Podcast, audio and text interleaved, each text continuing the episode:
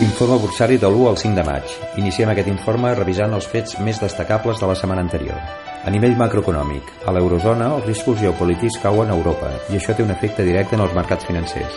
L'efecte de la victòria de Macron a França ha comportat un relaxament en les primes de risc amb caigudes de rendibilitat de més de 30 punts en el bo francès. L'euro ha mostrat una forta apreciació en aquesta última setmana. Així mateix, la reunió del Banc Central Europeu s'ha saldat amb la compareixença del seu màxim mandatari.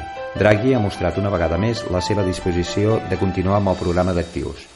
A pesar de la millora de riscos econòmics clarament a la baixa, Draghi necessita veure més senyals de fortalesa front a una inflació que continua sent incerta. La inflació del mes de març se situa en el 1,9% i mostra una tendència positiva. La inflació subjacent es manté dèbil, en el 1,2%, molt lluny de l'objectiu marcat pel Banc Central Europeu. A nivell d'indicadors estructurals, el deute i el dèficit públic continuen corregint-se en el seu conjunt. La Unió Econòmica i Monetària tanca el 2016 amb un endeutament del 89,2% en termes de PIB i un dèficit fiscal del menys 1,75%. Per països es continuen observant moltes disparitats. Tenim països amb endeutaments per sobre del 100%, com per exemple Bèlgica, Itàlia, Portugal o Grècia, i altres com Alemanya o Holanda, que mantenen un endeutament lleugerament per sobre del 60%. En el cas d'Espanya arriba al 99,4% del PIB. Sembla que la direcció per controlar el dèficit i el deute van per bon camí, però aquest camí no està sent el mateix per tots. A nivell d'Estats Units, el govern de Trump ha anunciat l'esperada reforma fiscal. El secretari del Tresor i el director del Consell Econòmic van presentar els detalls de la reforma fiscal, que inclou àmplies deduccions pels beneficis empresarials. El govern Trump pretén aplicar una fiscalitat corporativa molt favorable, millorant la competitivitat de les empreses. Destaca la proposta de baixada d'impost de societats, passant del 35% actual al 15%. També hi ha la proposta de simplificació de la fiscalitat de persones físiques, eliminant pràcticament totes les deduccions, excepte les hipotecàries i les donacions, i passant de 7 trams fiscals a 3.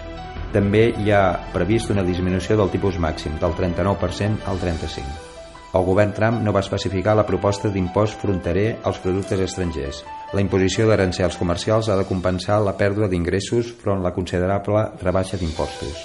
La rebaixa d'impostos també comportarà un esperat creixement econòmic. Però tota aquesta reforma fiscal haurà de ser aprovada pel Senat i el Congrés.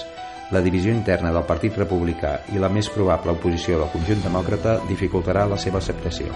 Destacar també l'indicador de confiança del consumidor.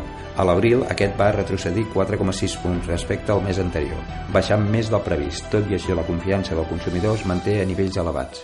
A Japó, la taxa d'atur del mes de març es manté, situant-se en el 2,8%. Suposa una consolidació de la robustesa del mercat laboral nipó. El Banc de Japó ha millorat la seva previsió de creixement del PIB fins al 1,6%. Passem ara al resum dels mercats borsaris. Els resultats de les eleccions de França porten a les borses europees a tancar una de les millors setmanes de l'any. A pesar de l'eufòria inicial després de la victòria de Macron, aquesta es va anar dissipant a mesura que avançava la setmana i es coneixien noves referències. Tot i així, les principals places bursàtils pugen finalment més d'un 3% setmanal. A Espanya, l'IBEX 35 s'anota una pujada del 3,3% en una setmana carregada de resultats empresarials. Quasi la meitat de les companyies de l'IBEX han donat a conèixer les seves xifres trimestrals de negoci. Destaquem el Banc Santander, CaixaBank, BBVA i AENA, entre altres. En el primer trimestre d'any, els beneficis mitjans de l'índex s'incrementa un 15,8% i les vendes creixen més d'un 10%. Estats Units es mantenen els avenços setmanals, amb els resultats empresarials com a principals indicadors. 273 companyies de l'índex Standard Poor's 500 han presentat resultats, amb un creixement de les vendes del 6,3% i un avanç en els beneficis del 12,5%. Passem al resum dels principals índexs. Com dèiem abans, a Espanya l'IBEX 35 ha tingut un increment del 3,3%, arribant als 10.715 punts. Portaríem una variació anual del 14,6%. A nivell del mercat francès, el CAC 40 ha tingut un increment del 4,1%, a nivell d'Alemanya el DAX 30 un increment del 3,2% i a nivell anglès el FTSE 100 un increment de l'1,3%. A nivell d'Itàlia, el FTSE MIP un increment del 4,4% i a l'Eurostock 50 un increment del 3,5% arribant als 3.559 punts. En el que portem d'any, la revalorització seria del 8,2%. A nivell d'Estats Units, el Dow Jones puja un 2%, l'Standard Poor's 500 un increment de l'1,5% i l'índex tecnològic Nasdaq 100 un increment del 2,6%. Acumularia ja un 14,8% anual l'índex Nikkei 225 un increment del 3,1% i l'índex Xangai una davallada del 0,6%. A nivell de matèries primeres, el petroli Brent ha baixat un 0,9% i l'or una devaluació del 1,5%. A nivell de divises, l'euro s'ha apreciat davant el, altres monedes com el dòlar, un increment o una apreciació de l'1,5%, eh, davant la lliura britànica una apreciació del 0,5% i davant del yen japonès una apreciació important del 3,8%. La prima de risc se situa en 133 punts bàsics, baixant 11 punts respecte a la setmana anterior. Fets destacables per aquesta setmana. De cara a aquesta curta setmana, recordem que aquest dilluns ha estat festiu a Europa i aquest dimarts festiu a Madrid, però tindrem nombroses referències importants a nivell macroeconòmic.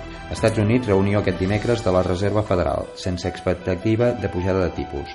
Es publicaran també dades de contractació del mes d'abril i entre altres dades macro. A Europa podem destacar la publicació del PIB avançat del primer trimestre i les vendes al port menor del mes de març. També caldrà prestar atenció dels resultats empresarials. A Espanya destaca la presentació de l'empresa Grífols, de Repsol, de Ferrovial, de Banc Popular i de l'empresa Amadeus.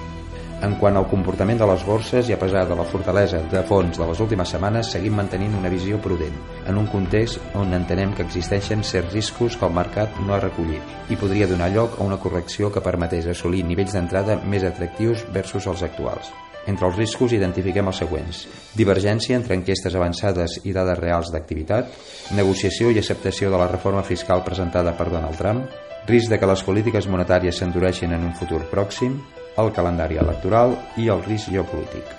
El present informe d'anàlisi borsari està basat en informacions de caràcter públic, especialment de les webs oficials de la Borsa de Barcelona i de la Borsa de Madrid. Jordi Conca, director dels Estudis d'Empresa del Campus Manresa.